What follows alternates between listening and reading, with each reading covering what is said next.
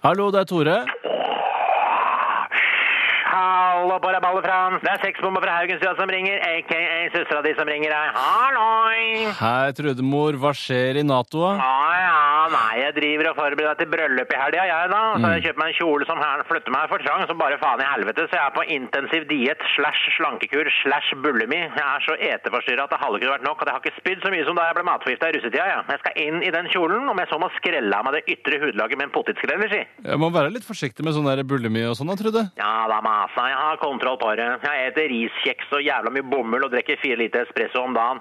Men det kommer jo opp igjen som en rakett, det òg, da, så jeg liker det da. Jeg veit da faen, jeg. Jeg lar ikke tyrkeren komme i meg engang. Jeg får mye proteiner, sier jeg til den. Kom på trampstampen, sier jeg til den. Kom på trampstampen. Ja, Det er jo alltid en løsning, det der. Jeg vil egentlig ikke ligge med det i det hele tatt. Jeg blir så oppblåst og pløsete av det, Tore. Kanskje jeg har tyrkerallergi? Ha, ha, ha, ha, ha.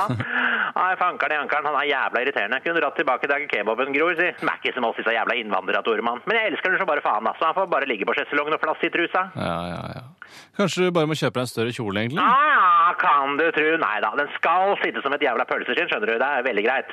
Så har jeg nesten fått den over silikonen, da, skjønner du. Men som du vet, så har jeg jævla juicy nipples, og det er liksom der det stopper opp, da.